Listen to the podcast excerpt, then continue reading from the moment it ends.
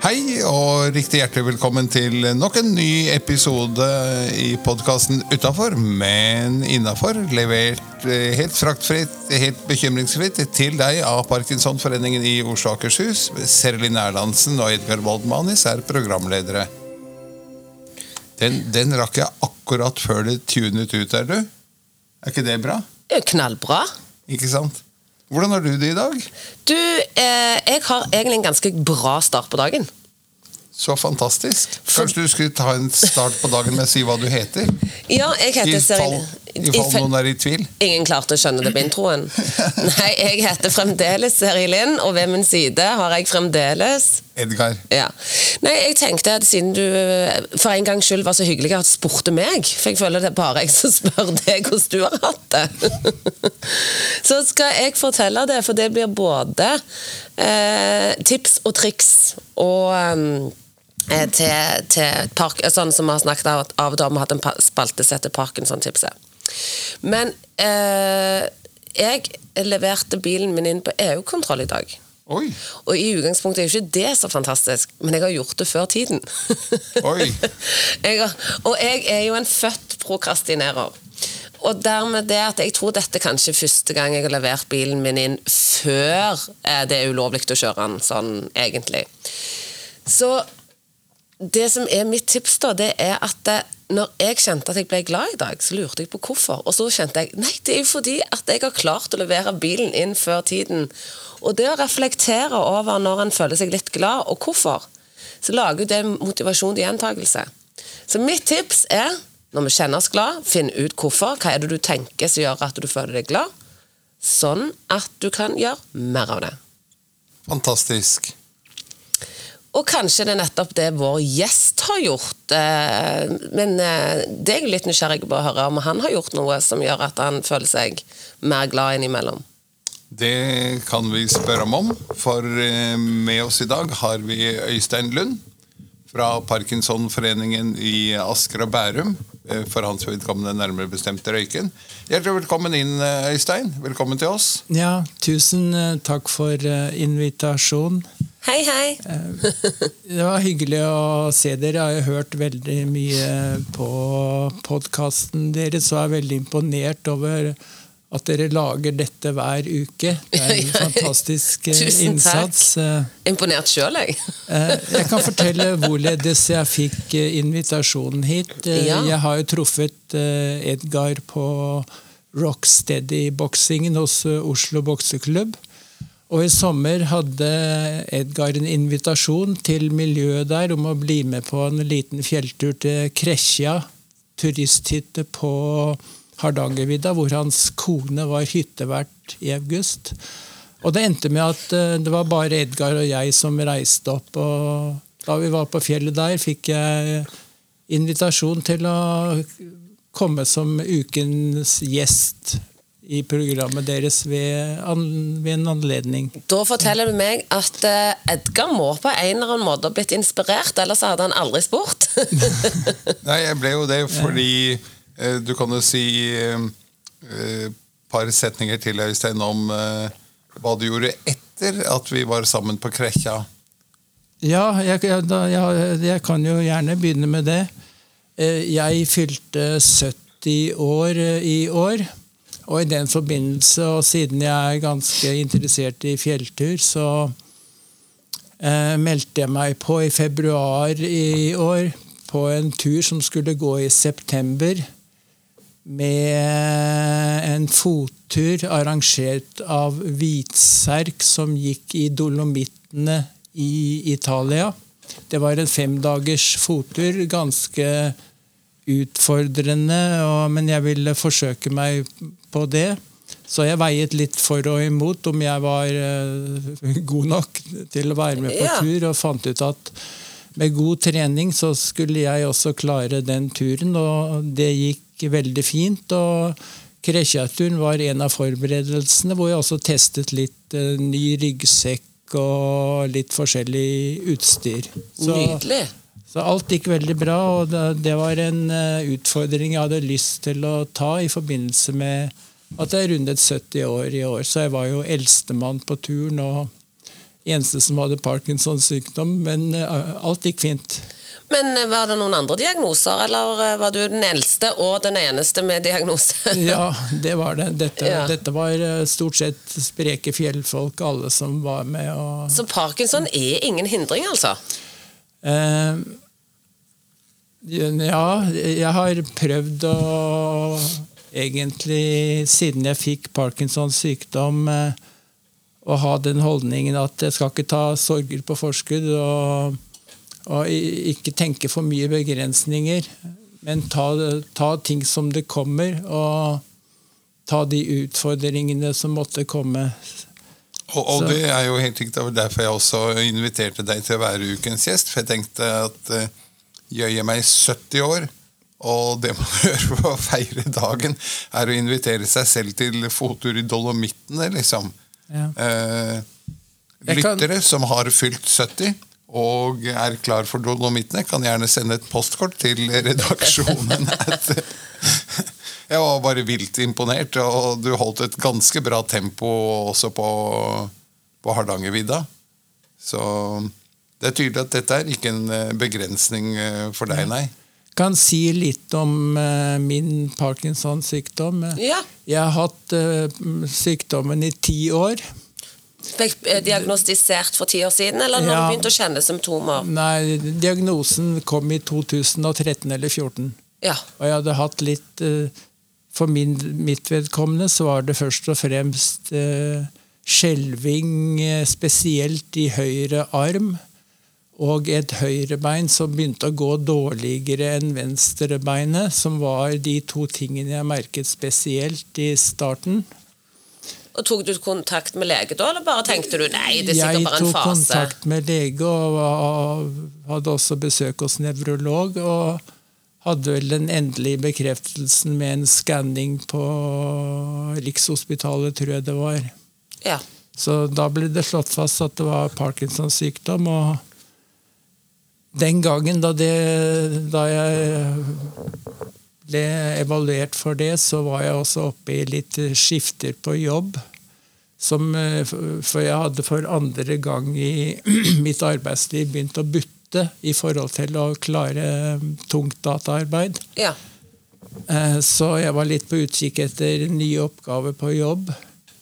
Så det hadde mer oppmerksomhet egentlig enn det som skjedde rundt eh, evalueringen av Parkinson. Så da jeg fikk diagnosen på det, så tok jeg imot den med hva jeg føler var bare en rolig aksept. ja. Og at jeg måtte ta den utfordringen eh, også. Mm. Eh, Så jeg hadde ikke så mye negative tanker i begynnelsen. Jeg tenkte at eh, eh, Du tenkte at dette er jo en gammelmannssykdom, og nå er jeg passert 60, så nå går det utforbakke uansett. ja, Nei, jeg tenkte ikke slik, men eh, det var to ting jeg hadde i tankene. Det var at jeg ikke skulle ta for mye eh, Eller jeg skal be, ikke se begrensninger sånn før de kommer. Og jeg fant ut at jeg trengte kunnskap om dette. Ja. Så jeg meldte meg inn i Parkinsonforeningen ganske raskt. Og fortalte de at jeg ønsket å være i Asker og Bærum forening, selv om jeg bodde i Røyken, som den gang lå i Buskerud fylke. ja. Men så skjedde det at jeg fikk begynte å få invitasjoner både til Buskerud Parkinsonforening og Asker og Bærum Parkinsonforening. Og det var jo bare fint, for da kunne jeg velge hvor jeg ville gå og høre på de interessante foredragene. Så jeg, jeg møtte ganske flittig opp på møter, da har gjort egentlig hele tiden, for å få kunnskap. Bra. Og eh, på jobben gikk det bra, siden jeg eh, hadde litt eh, mindre dataarbeid og litt mer praktisk de siste årene. Ja. Så jeg ble pensjonist ved 67 og et halvt år, og de siste fire-fem årene jeg jobbet, hvor jeg da hadde Parkinsons sykdom, og da hadde jeg også begynt å ta levodopamedisin mot uh, sy- symptomene. Så de siste årene jeg jobbet, var faktisk de letteste årene i arbeid. I hvert fall siden jeg rundet 40. ja. Det her er bare, det er bare glansbilder etter Parkinson-diagnose. Det er veldig bra, da. Ja, nei, så jeg har kunnet gjøre de interesser eh, som jeg har egentlig hele tiden. Det er veldig lite jeg har sluttet med fordi jeg har fått Parkinsons sykdom. Men eh, med alder og sykdom så er det selvfølgelig litt annen innsats på ting. da. Men det kan det jo være med alder, så du sier Ja. uansett. Det er jo ikke nødvendigvis alltid å ha med sykdom å gjøre. Nei, Nei. det er ikke det. Men eh, du er jo aktiv daglig. Husker du fortalte i bilen eh, på vei opp og, og ned at du har faktisk kjøpt en romaskin? Ja. Eh, Jeg har funnet ut at romaskin er, eh, er veldig god trening for meg. Jeg, jeg føler den gir mye. Og da jeg sluttet på jobben og ikke hadde tilgang til trimrommet på jobben, så kjøpte jeg meg en romaskin som jeg har hjemme. Og som supplement til Rocksteady boksetreningen. For eh, siden jeg bor i Røyken, så har jeg møtt opp stort sett bare én, og av og til kanskje to ganger i uken på den. Og jeg er lokal turleder i DNT for en senior turgruppe vi har ute i Røyken og Hurum. Som supplement til de to aktivitetene så trener jeg ganske mye romaskin. Veldig bra. Eh, fordi det blir et lavterskeltilbud når jeg har maskina stående i et rom hjemme. Jeg kan bare gå og sette meg der og ro eh, en økt. Og gjøre alt unna på 15-20 minutter. Ja. Og jeg telte opp eh, i går for moro skyld hvor mye jeg har rodd på romaskinen det siste året. Og jeg har 181 økter på romaskina det siste året, og det er akkurat annenhver dag. ja. Og jeg ror 2000 meter hver gang, og stort sett høy puls når jeg kommer i mål. Har du regnet ut hvor langt du hadde kommet om du hadde rodd fra Norge og på de antall kilometerne? Hvor langt hadde du kommet? Nei da. Det gir deg en eh, utfordring på det. Hvor langt hadde du klart å rodd? Nei, jeg ror, jeg ror konkurransedistansen, kan du si, som er 2000 meter, og gjør det på en 8-9 minutter. Ja. Og jeg har en aldri så liten vitenskapelig observasjon når det gjelder det å trene på romaskin, og også det å gå turer. Og det er at jeg, særlig på romaskina, hvor, som er veldig målbar, jeg ror samme distanse hver gang og ser hvor lang tid jeg bruker. Og det jeg opplever, er at hvis det er lenge siden jeg har tatt en levodopa-pille, så ror jeg atskillig saktere enn om jeg har fersk levodopa-pille om bord. Slik at jeg merker at hvis, eh, når levodopaen begynner å miste effekt, så dovner også musklene litt til, føles det. Så jeg blir Jeg føler meg ikke like sterk. Nei. Eh, og det samme er når jeg går lange turer. Jeg har kompensert dette med at venstrefoten går litt dårligere enn høyrefoten. Den subber litt og løfter seg ikke like godt. Så alltid når jeg går tur, så har jeg gå, gåstav i høyre hånd og hjelper til med den. Ja, så bra. Og med den så går jeg like godt med, venstre, med høyre fot som venstre fot. Så jeg kan gå lange turer uten å ha noe problem med det. Mm. Bare for å gi et sånn lite bilde, da. Jeg eh, varmer opp fem ganger i uken. nevnt på seg. Kan være det bare blir tre, men stort sett hver gang jeg går på trening, så er det fem minutter på romaskin, og da ror jeg 1000. Så du da som ror 2000 på 8 til 9, det er bra jobba. Eh, Tusen takk. Ja. nei, Du har et forbedringspotensial i det. Ja, jeg kjenner jeg skal på trening etterpå, så jeg skal faktisk ro på for å se om jeg klarer å få til det samme. Så det er nyttig å hjelpe og inspirere hverandre. Ikke sant? den, eh, Ja. den, nå, nå er jo romaskiner litt forskjellig med hvordan uh, computeren på det virker. Og jeg har en ganske enkel uh, computer. Så du prøver å trøste meg nå at det kan Nei, være at jeg men det er ikke så lett å sammenligne Nei, din tid med min tid, for vi har, vi har sikkert forskjellig maskin. Ja. Men jeg skal uansett bruke det til innspo. Ja. til å ro litt raskere. Men den personlige rekorden min er 7 minutter og 59 sekunder. Ja. Bra. Det er veldig godt jobba. Du, Vi pleier jo å spørre om en sånn fun fact. Ja, det har jeg tenkt på, for jeg har eh, jo hørt en god del programmer og lurte på om jeg hadde noe fun fact. Det er ikke, det er ikke, helt- det er ikke veldig akkurat veldig fun, men eh, jeg kan skryte av at jeg har vært på tre Grateful Dead-konserter i Amerika.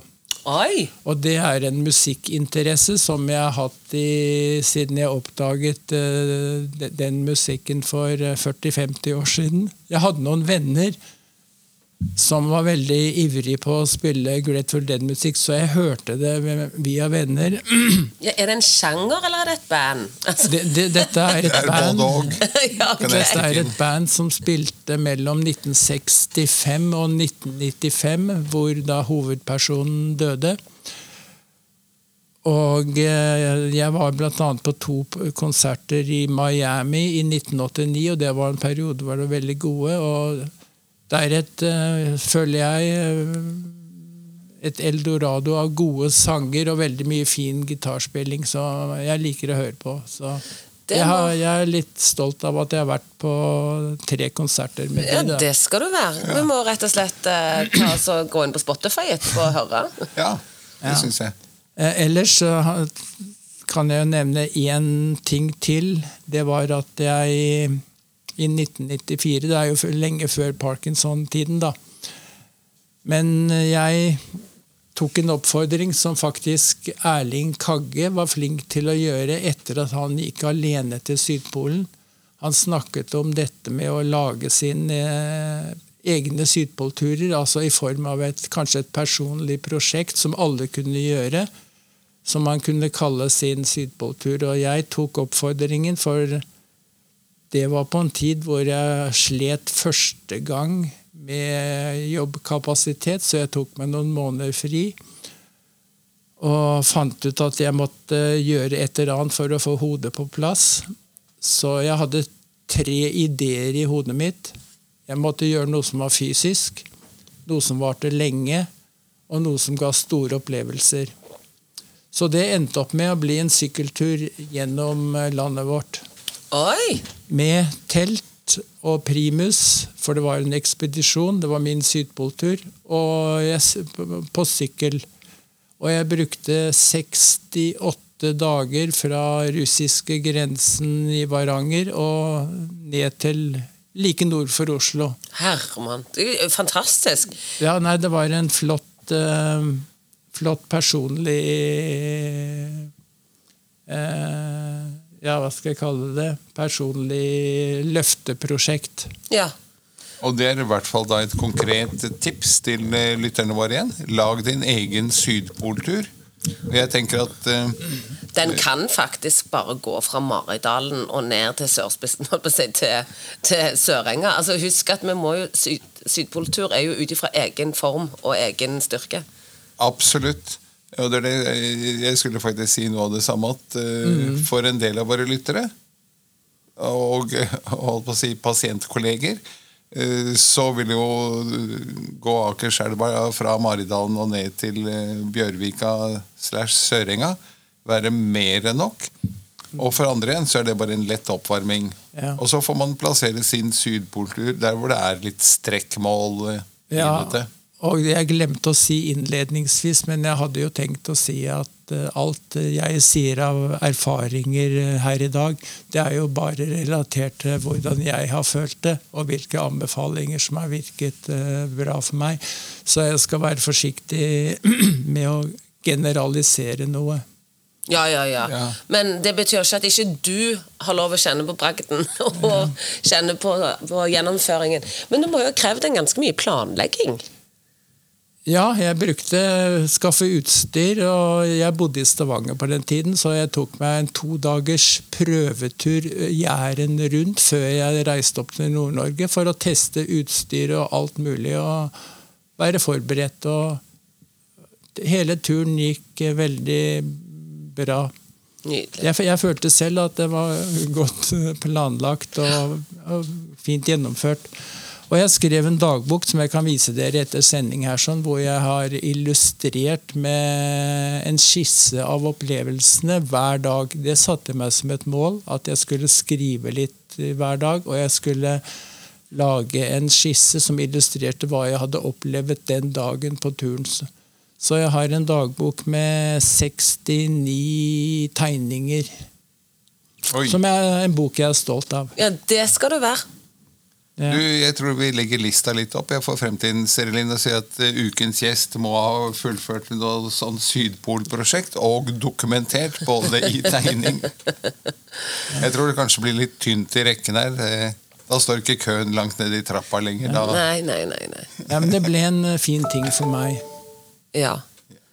Men du, litt videre i programmet og de faste postene. Du har også med en quiz til Serilin og meg, eh, forstår jeg?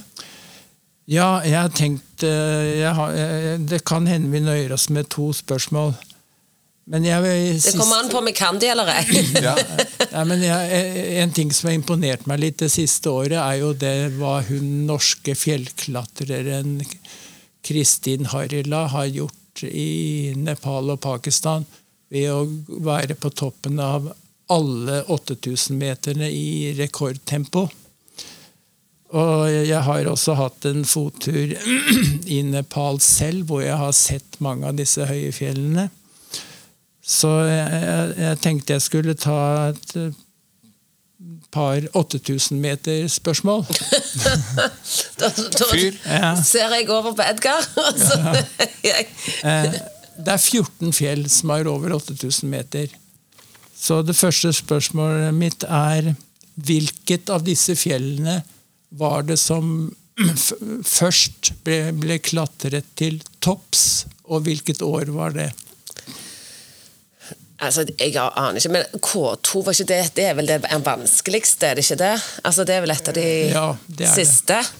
Men nå spurte han om hvilken som ble klatret først. Jeg, jeg prøvde jo bare å resonnere, og så prøvde jeg å komme Ja. med ett fjell som hørtes ut som jeg kunne noe. Ikke sant?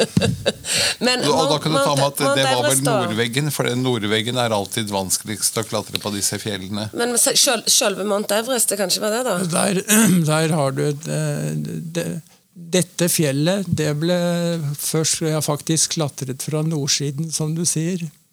Akkurat. Ja, Da lurer jeg på om det er K2, jeg. Eh, og så sa du året. Hvor stort slingringsmonn har vi på årstallet? Par-tre år. Og jeg skulle til å be om 25. eh, Mount Everest ble klatret i 1953. Ja, ja. det er korrekt. Og Mount Everest var det andre 8000-meteren som ble klatret til topps. K2 er det siste fjellet, for det var vel der Rolf Ba døde, er det ikke det? Nei, K2 var, tror jeg var det fjerde fjellet som ble klatret til det var det, det, ja. Det var ikke der han og Røyk, han og Cecilie Skog var på tur? Jo, det var i 2000, da var det 2009. Ja. Men jeg prøver å komme på hva disse andre heter. Ja. Men jeg Er, de, er vi i Nepal med- fortsatt? Vi er i Nepal, og midt i Nepal. Ja. synes ikke kommer Det noe er, sånn det er et som heter noe sånn Anapanurna, eller eh, Det er korrekt, det er Annapurna. Altså, herregud. Som, eh, som eh, ble klatret til topps i 1950, og det var det første. Ja. Annapurna først, Everest 2 og Nanga Parbat var det tredje. Men så tar vi et spørsmål om eh, Kristin Harilas eh, 8000 meter klatringer. Hvor mange ganger har hun vært på toppen av en 8000 meter? Det var de gjort det. Og et godt eh, hint her er jo selvfølgelig at det er 14 stykker av de fjellene. Ja, da er det 14. Men det har Sikkert gått Nei, én gang. eh, Hun kan jo ha vært på samme fjell mer enn én gang. Ja. Hun avslutta jo etterpå. Ja, det kan godt være hun har gjort det. Ja, hun var på alle i år. Og så husker dere tilbake i fjor, hvor hun prøvde første gang å gå alle sammen på én sesong. Hun var, gjorde tolv, og så fikk hun ikke innreisetillatelse til å klatre i Tibet og Kina.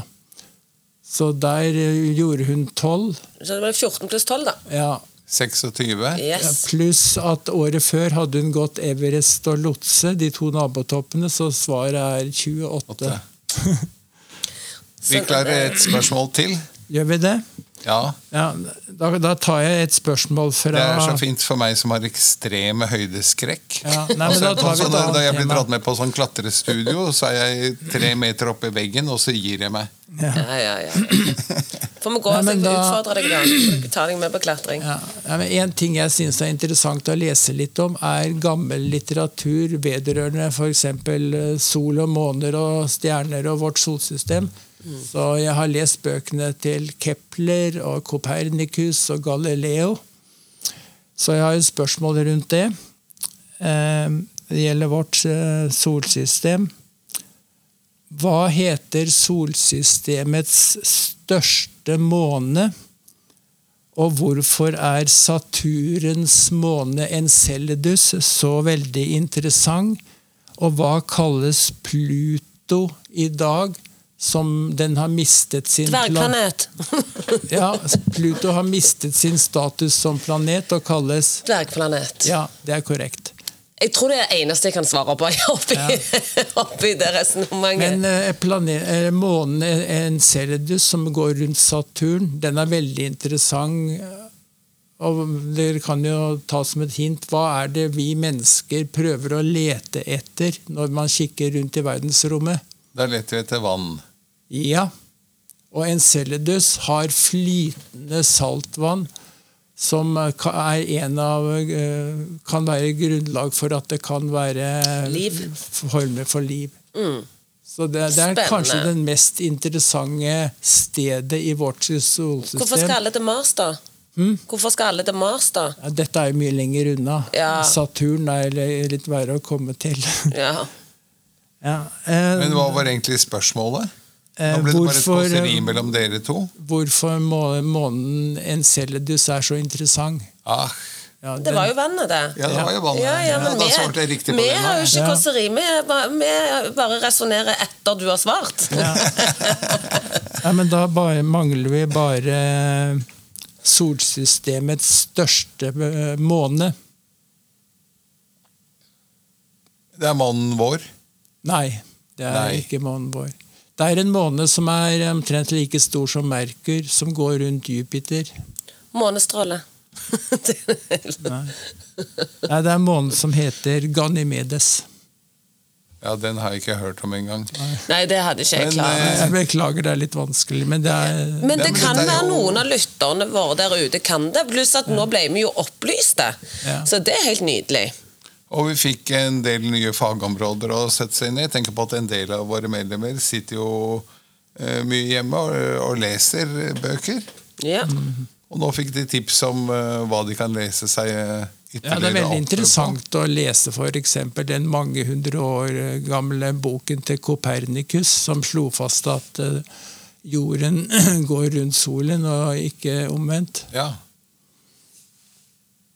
Du, har du et, eh, et livsmotto å dele med? Du har jo kommet med ganske, delt noe fantastisk mye Jeg, jeg, jeg har ikke noe livsmotto, Nei. eh, men eh, jeg har litt sansen for det å lage seg noen utfordringer som man må jobbe litt med. Men jeg har funnet noen sitater fra min musikkfavoritt Grateful Dead som kan være, eh, ha litt relevans i eh, anledninger. Ja. Som et slags eh, motto. Første går sånn When life looks like easy street, there is danger at your door. Og det kan jo fritt oversettes til å ikke alltid tenke seg at man skal ta den lette veien på ting, for da kan farer lure. Så har jeg en til, som også er et sitat fra en Grateful Dead-sang. Once in a while you can get shown the light in the strangest, strangest of places if you look at it right. Og hvis man ser på f.eks. Parkinsons sykdom som en strangest of places, så kan man kanskje se, se positivt på ting hvis man tar det på den rette måten. Så det, det, det er bare et par eksempler fra sangtekster som ja, kanskje har relevans. Ja. Bra. Jeg syns de var kjempebra. Nydelige. Eh, faktisk spesielt den siste med at man kan se lyset på de pussigste steder. Ja. Og som, og som jeg henger på eh, greit med det du sa tidligere, Øystein, om å sette seg noen mål. Og når du faktisk når målet, så selv om du kanskje er sliten og, og trøtt, og, så kan du si Men jeg greide det! Ja. ja. Mm. Jeg fikk det til. I did it! I did it. Yes. Uh, vi nærmer oss uh, slutten, og yeah. er det noe og Jeg ser du har masse notater fremdeles, og da skal jeg ikke si er det Nei, noe vi jeg ikke har har kommet spurt deg om. gjennom, kommet gjennom det meste nå, tror jeg. Ja, det er jo kjempebra. Men vi har vel et utgangsspørsmål? Ja, det er middagsspørsmålet vårt. det, vet du. Hvem ville du invitert til middag, og hvor? Ja, hvor jeg har forberedt meg litt på hvem jeg kunne tenke meg å treffe. Vær så Hvis jeg, god. hvis jeg skal treffe en historisk person, så ville jeg valgt meg Galileo Galilei. Ja. Og det er fordi han, han, han støtte jo på veldig vanskeligheter med at folk skulle tro på han da han fant ut at månene går rundt Jupiter, slik at jorda ikke er verdens sentrum. Og han studerte legemers fall og fant ut at eh, det som er dobbelt så tungt som en annen ting, faller ikke dobbelt så fort. Og han formulerte det som heter relativitetsprinsippet, som eh, var en av grunnstenene til Einsteins teori. Og relativitetsprinsippet det er ganske enkelt at enhver konstant bevegelse kan bare måles i forhold til en ytre referanse. Ja. Og den eh, kan jo bruke til så mye.